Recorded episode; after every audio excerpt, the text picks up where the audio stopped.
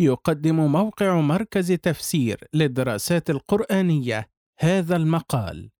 التدبر والتحرر من أسر اللطائف القرآنية. للكاتب محمد مصطفى عبد المجيد. وتدور هذه المقالة حول استنباط لطائف القرآن وفوائده داخل إجمالا في التدبر وإنما الإشكال في حصر التصور عن التدبر في هذا الأمر. فما هو تدبر القرآن الكريم المأمور به واللازم لكل أحد وهل يعد المرء متدبرا إلا إذا تمكن من الوقوف على اللطائف والمعاني الدقيقة للآيات؟ أسئلة تعنى بمناقشتها هذه المقالة. التدبر والتحرر من أسر اللطائف القرآنية لقد أنعم الله عز وجل علينا في هذا الزمان بهذه الصحوة المباركة في تدبر القرآن الكريم، وهذه النهضة في ميادينه على مستوى التأليف والتدريس والتطبيق. بل قد نشأت بعض المؤسسات العلمية والتربوية أصالة للعناية بهذا الغرض الشريف، وصار موضوع تدبر القرآن حاضرا في الحلقات القرآنية بعد أن غاب عنها طويلا. تدبر القرآن. تلك الكلمة الجميلة التي حجبتها سحب الغفلة وانصرف الناس عنها حتى كادت آثارها تنمحي في نفوسهم. بينما كانت علاقة بعضهم بالقرآن مقتصرة على حفظ ألفاظه وإتقان أحكام تجويده وعلاقة آخرين مقتصرة على قراءة حروفه هذا كهذ الشعر. لا يتجاوز الحروف إلى ما وراءها من الهدى والنور الذي وصف الله عز وجل به كتابه الكريم. ثم كانت هذه العودة لتنفض التراب عن هذا الكنز المغفول عنه ولتنقشع تلك السحب ولترفع الغشاوة عن أعين طالما حرمت من الاهتداء بآيات القرآن والانفعال والتأثر بها. وكثرت المحاضرات والدورات والمؤلفات في مجال تدبر القرآن ثم خرجت من ضيق صالات الدرس ومدرجات الجامعة إلى رحابة الأمة الواسعة متخصصيها وغير متخصصيها كبيرها وصغيرها عالمها وجاهلها. وإن عودة الأمة وانبعاثها إلى مجدها من جديد لن يكون إلا من خلال ذلك الحبل الذي جعل الله عز وجل طرفه بيده وطرفه بأيدينا وهذا هو القرآن العظيم. لذا فما زلنا في حاجة إلى مزيد توعية ونشر لثقافة تدبر القرآن. فإن الصحوة وإن كانت ملحوظة للمتابع بصورة واضحة إلا أنها ما زالت في أولى خطواتها. وإنما اينعت ثمار خطواتها الأولى ببركة هذا الكتاب المجيد الذي جعله الله مباركا ولعل في هذه الثمار العاجلة مزيد ترغيب وحث للانطلاق إلى مزيد من بث الوعي بشأن تدبر القرآن الكريم. إشكالية الانحصار في اللطائف القرآنية.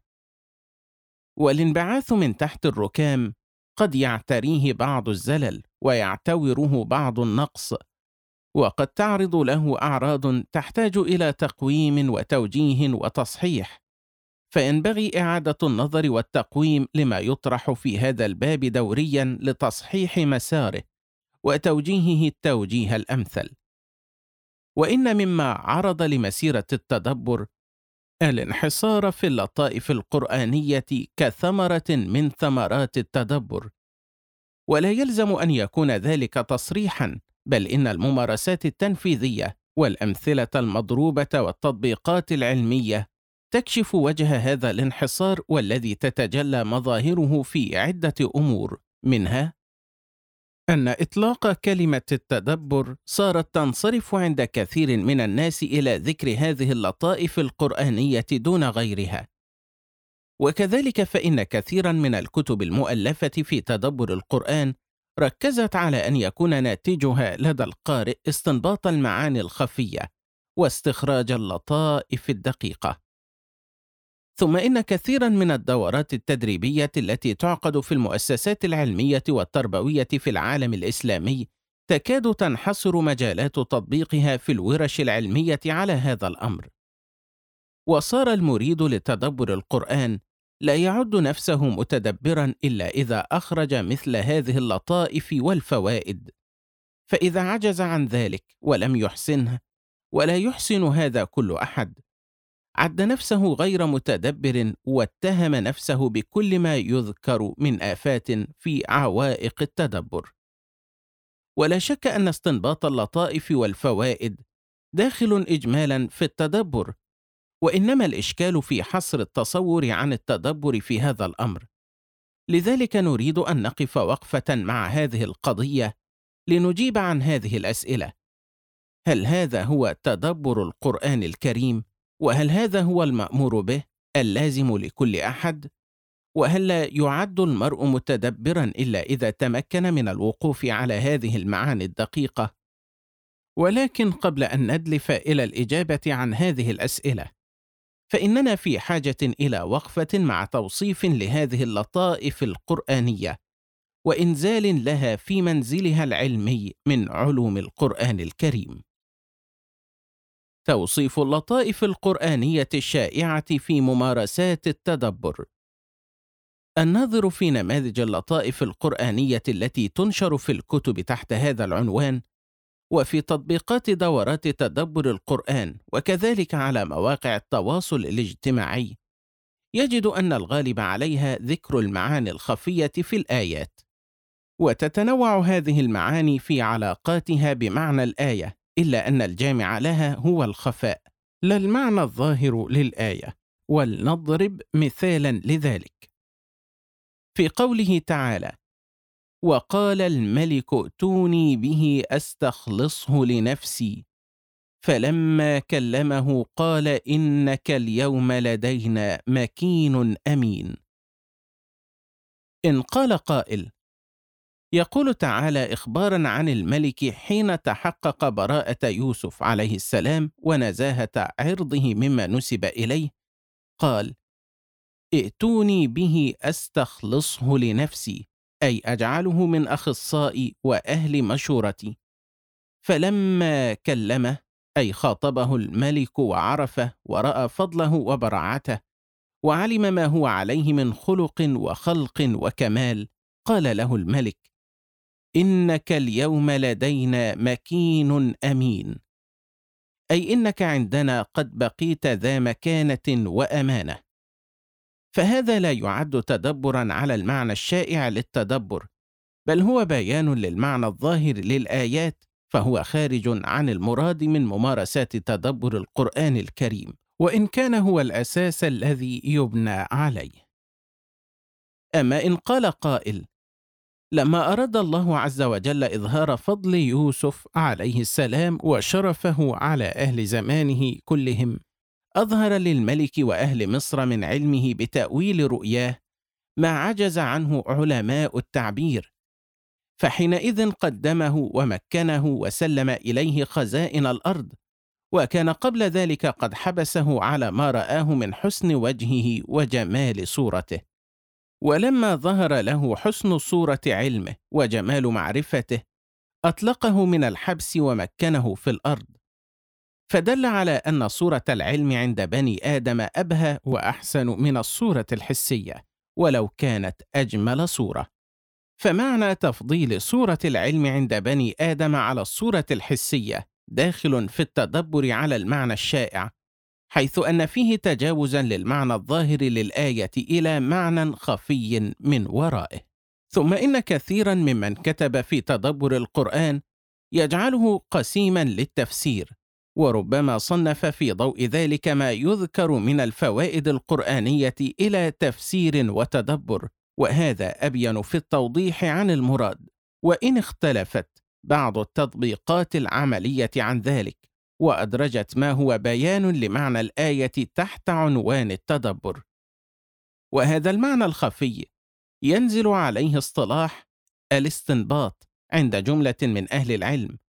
كما نسبه النووي رحمه الله توفي سنة 676 هجرية. إلى العلماء في قوله قال العلماء الاستنباط استخراج ما خفي المراد به من اللفظ وبقريب من هذا عرفه الجرجاني. توفي سنة 816 هجرية. في التعريفات بقوله استخراج المعاني من النصوص بفرط الذهن وقوة القريحة. وكان معنيا الخفاء وإعمال الذهن حاضرين في كثير من تعريفات أهل العلم ممن قصد إلى تعريف الاستنباط من المفسرين وغيرهم. ويمكن مراجعة مبحث تعريف الاستنباط من القرآن وعلاقته بالتفسير من كتاب منهج الاستنباط من القرآن الكريم. فقد استعرض عددا من التعريفات للاستنباط وقام بتحليلها وذكر الملاحظات عليها. اذا فالتوصيف الأقرب لأكثر هذه اللطائف القرآنية التي تتوجه إليها أنظار المعتنين بالتدبر هو الاستنباط. ويمكن القول من خلال ذلك أن طريق الوصول إلى المعنى المستنبط هو التدبر أي أن المعاني المستنبطة هي ثمرة من ثمراته. ولا شك أن هذا العمل من أشرف الأعمال وأجل القربات. وقد قال ابن القيم رحمه الله توفي سنة 751 هجرية. قد مدح الله تعالى أهل الاستنباط في كتابه وأخبر أنهم أهل العلم إلا أن له ضوابط وشروطا ينبغي التنبه لها وإلا فقد كان الاستنباط الخاطئ بذرة ضلال كثير من أهل البدع والأهواء. إما جهلا بتفسير الآية ابتداء أو قلة العلم بلغة العرب وأساليبها في الخطاب أو غفلة عن طرق الاستنباط الصحيح أو غير ذلك من الأسباب.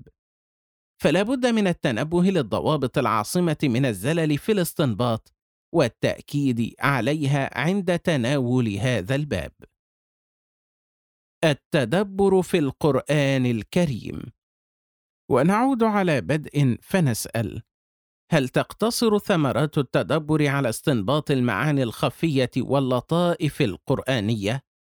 سنحتاج هنا إلى أن نرجع إلى التوجيه الإلهي إلى التدبر. والنظر في سياقاته التي ورد فيها في القرآن الكريم والتي ينبغي أن تمثل المنطلق الأول في فهم مراد الله تعالى من ذلك.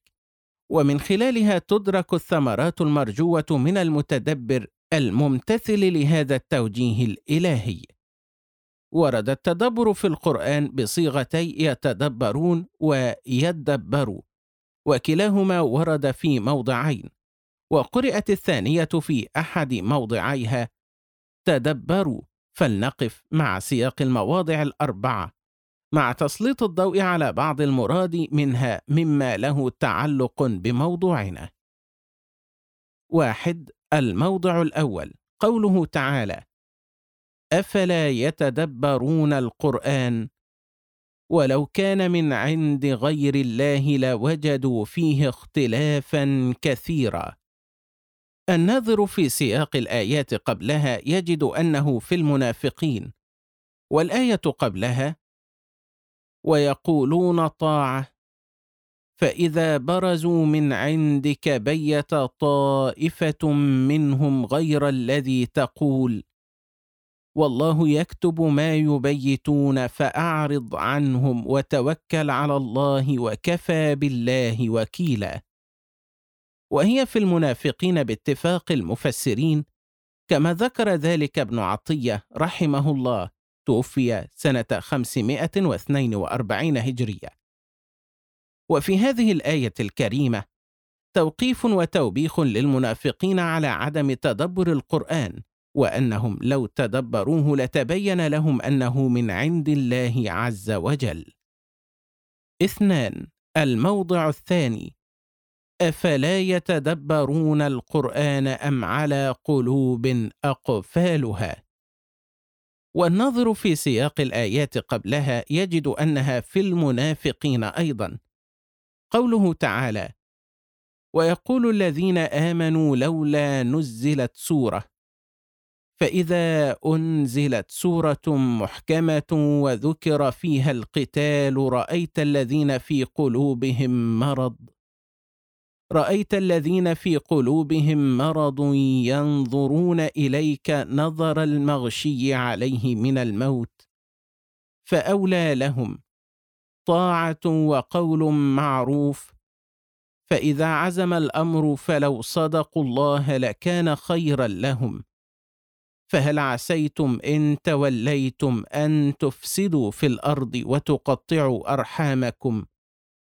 أولئك الذين لعنهم الله فأصمهم وأعمى أبصارهم. قال ابن عطية رحمه الله توفي سنة 542 هجرية. في أول تفسير هذه الآيات هذا ابتداء وصف حال المؤمنين في جدهم في دين الله وحرصهم على ظهوره. وحال المنافقين من الكسل والفشل والحرص على فساد دين الله وأهله. وفي هذه الآية الكريمة توقيف وتوبيخ للمنافقين على عدم تدبرهم القرآن كسابقتها وبيان أن الحال المقابلة لحال من تدبر القرآن حال من أوصد قلبه بالأقفال. ثلاثة الموضع الثالث. أفلم يدبروا القول أم جاءهم ما لم يأت آباءهم الأولين؟ وسياق الآيات قبلها وبعدها في ذكر الكفار فقبلها قد كانت آياتي تتلى عليكم فكنتم على أعقابكم تنقصون مستكبرين به سامرا تهجرون. وبعدها أم لم يعرفوا رسولهم فهم له منكرون؟ أم يقولون به جنة بل جاءهم بالحق وأكثرهم للحق كارهون؟ ففي هذه الآية توقيف وتوبيخ للكفار على عدم تدبرهم القول الذي هو القرآن الكريم الذي يتلوه عليهم رسول الله صلى الله عليه وسلم. أربعة الموضع الرابع. كتاب أنزلناه إليك مبارك ليدبروا آياته وليتذكر أولو الألباب. هكذا قرأ الجمهور وقرأ أبو جعفر توفي سنة 130 هجرية. ليدبروا بالخطاب مع تخفيف الدال. وهذه الآية عامة لجميع الخلق والآية قبلها أم نجعل الذين آمنوا وعملوا الصالحات كالمفسدين في الأرض؟ أم نجعل المتقين كالفجار؟ قال ابن عطية وظاهر هذه الآية يعطي أن التدبر من أسباب إنزال القرآن. فالترتيل إذن أفضل من الهذ إذ التدبر لا يكون إلا مع الترتيل. وفي الآية أيضا بيان من ينتفع ويتذكر بالقرآن وهم أولو الألباب. ما هو التدبر الذي أمر الله عز وجل به عباده؟ ونحتاج هنا أن نقف وقفة مع مادة التدبر في سياقها القرآني ونتساءل: ما هو التدبر الذي أمر الله عز وجل الناس به؟ وما هو التدبر الذي عاب على الكفار والمنافقين عدم فعله والإعراض عنه؟ لا يعقل أن يكون الجواب هو ما يتبادر إلى الذهن إذا ما أطلق التدبر من استنباط الفوائد والوقوف على اللطائف القرآنية فمثل هذا لا يخاطب به الكفار والمنافقون ومثل هذا لا يذم فاعله هذا الذم ولا يتوعد عليه هذا الوعيد. لقد جعل الله عز وجل التدبر داعيا لهم إلى معرفة أن القرآن من عند الله واليقين بذلك. أفلا يتدبرون القرآن؟ ولو كان من عند غير الله لوجدوا فيه اختلافا كثيرا. لقد جعل الله عز وجل التدبر سببا من أسباب إنزال القرآن. كتاب أنزلناه إليك مبارك ليدبروا آياته وليتذكر أولو الألباب. لقد جعل الله عز وجل قسيم المتدبرين من أغلقت قلوبهم بالأقفال. أفلا يتدبرون القرآن أم على قلوب أقفالها؟ إن الأمر بالتدبر أوسع من فكرة استنباط الفوائد واللطائف. وإن كانت من ثمراته إلا أنها ليست ثمرته الوحيدة بل ليست الأصل في المراد من الخلق بتدبر القرآن كما هو ظاهر هذه الآيات الكريمة. وربما أخذنا هذا الكلام في تحرير معنى التدبر ومدلولاته وهذه المسألة وإن كانت ذات أهمية في بحث المسائل المتعلقة بالتدبر والاجتهاد في وضع منهجيات عملية له إلا أنها يجب أن يكون لها أثر ظاهر في المضامين المختارة تحت عنوان التدبر وأثر ظاهر في المنهجيات المقترحة والجوانب التطبيقية. وهذا ما غاب عن العديد مما وقفت عليه في كتب التدبر. كثير من كتب التدبر تبدأ اولا ببيان أهمية تدبر القرآن بذكر الآيات التي تعرضنا لها قبل وذكر الأحاديث النبوية الدالة على فضل التدبر ومكانته وأقوال السلف في ذلك. ثم إذا انتقلت إلى الجواب عن سؤال كيف وصاغه الخطوات العملية للتدبر فإن المنهج النهائي لهذه الخطوات غالبا ما يقتصر على كيفية استنباط الفوائد بأدوات الاستنباط وعن طريق معرفة الدلالات المختلفة. وهذا المنتج غير المقصود ابتداء من النصوص التي ذكرها المؤلفون في بادئ الأمر. وكثير من كتب التدبر تستعرض التعريفات للتدبر لغة بالنظر إلى أصل مادته ودلالة تصريفه وشرعا بحسب وروده في القرآن الكريم وذكر أقوال المفسرين في معنى التدبر في الآيات الأربعة المذكورة. ثم لا يكون هذا التعريف منطلقا بعد ذلك في الإجراءات العملية والمقترحات التنفيذية لتحقيق التدبر. مما يدل على أن الإشكالية لا تقتصر فقط على تحرير المراد بالتدبر بل تنسحب إلى تأثير هذا المراد فيما يعرض بعد ذلك من ذكر أدواته وخطواته العملية في الكتب المؤلفة في هذا الباب. والتي تحتاج إلى دراسة جامعة تستقصي ما ألف في هذا الباب خاصة في جانب التنظير. وتقوم بتحليل هذه الكتب وعقد الموازنات بينها تصحيحا لمسار التنظير في هذا الباب وضبطا له. والذي نخلص إليه في هذا المقام أن التدبر الذي تعبد الله عز وجل به عباده وأمر به جميع الخلق مؤمنهم وكافرهم ليس هو استنباط الفوائد والمعاني الخفية من الآيات بل الشأن أعظم من ذلك وأوسع. وما قصر دلالة التدبر على هذا المعنى إلا تضييق لهذا الأفق الواسع من ثمرات التدبر الغناء وعطاءاته التي لا تنقطع. ثمرات أخرى للتدبر سوى اللطائف القرآنية.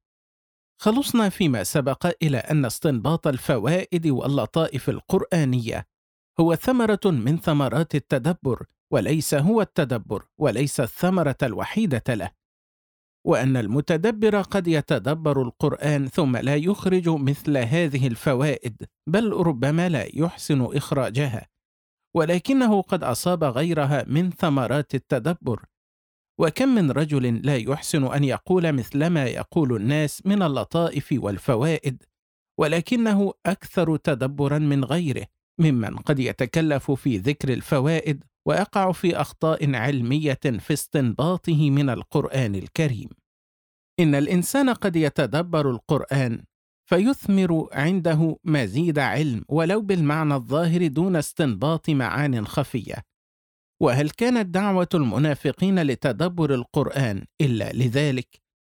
أفلا يتدبرون القرآن ولو كان من عند غير الله لوجدوا فيه اختلافا كثيرا. فإذا تدبروه ولم يقفوا عند ألفاظه فقط علموا أنه لا اختلاف فيه وأنه من عند الله عز وجل. وقد يتدبر القرآن فيثمر عنده اليقين بما علم قبل ذلك وترسيخ ما سبق له علمه. ولعل هذا من أغراض تكرار الحديث عن صفات الله عز وجل وأفعاله في القرآن وعن اليوم الآخر والجنة والنار. فالقارئ وإن علم كل ذلك إلا أنه متى تدبر ازداد يقينه واليقين من الإيمان يزيد وينقص. وقد يتدبر القرآن فيثمر عنده تاثرا وانفعالا بآياته كما أخبر الله عز وجل عن حال المؤمنين. الله نزل أحسن الحديث كتابا متشابها مثاني تقشعر منه جلود الذين يخشون ربهم ثم تلين جلودهم وقلوبهم إلى ذكر الله. فهؤلاء قرأوا القرآن أو قرئ عليهم ففهموا معانيه وتدبروها فأثمر عندهم هذا التأثر والانفعال بالآيات. فهؤلاء متدبرون ولو لم يزيدوا على معنى الآيات الظاهر بشيء ولو لم يستنبطوا معاني خفية من الآيات. وقد يتدبر القرآن فيثمر عنده عملا. فمن قرأ قول الله تعالى ولنبلونكم بشيء من الخوف والجوع ونقص من الأموال والأنفس والثمرات وبشر الصابرين. الذين إذا أصابتهم مصيبة قالوا إنا لله وأنا إليه راجعون. أولئك عليهم صلوات من ربهم ورحمة وأولئك هم المهتدون. ففهم معناه وتدبره واتصف بنعت الصابرين في الآية وقال إنا لله وإنا إليه راجعون. إذا نزلت به مصيبة مدركا لمعناها مؤمنا بها. فقد تدبر القرآن وإن لم يدل بدلوه في ذكر اللطائف القرآنية الخفية. إن حصر مفهوم التدبر في استخراج الفوائد القرآنية واللطائف الخفية هو في الحقيقة أسر يحرم المتدبر من آفاق واسعة من ثمرات جنة التدبر الغناء. فينبغي للمتدبر أن يحرر تصوره من هذا الأسر وأن يحيا تدبر القرآن في معناه الصافي النقي الذي يراه في صفات من أثنى الله عليهم في كتابه ويقرأه في أخبار النبي صلى الله عليه وسلم وصحابته الكرام والصالحين من هذه الأمة. وليس هذا تقليلا من شأن الاستنباط من القرآن الكريم أو العناية باللطائف القرآنية كما هو بين في الكلام من أوله إلى آخره. إنما هو تصحيح لمفهوم وسعه الله عز وجل على خلقه ثم ضيقته بعض الممارسات الخاطئة فحرمت وحرمت. استمعتم إلى مقال التدبر والتحرر من أسر اللطائف القرآنية. للكاتب محمد مصطفى عبد المجيد.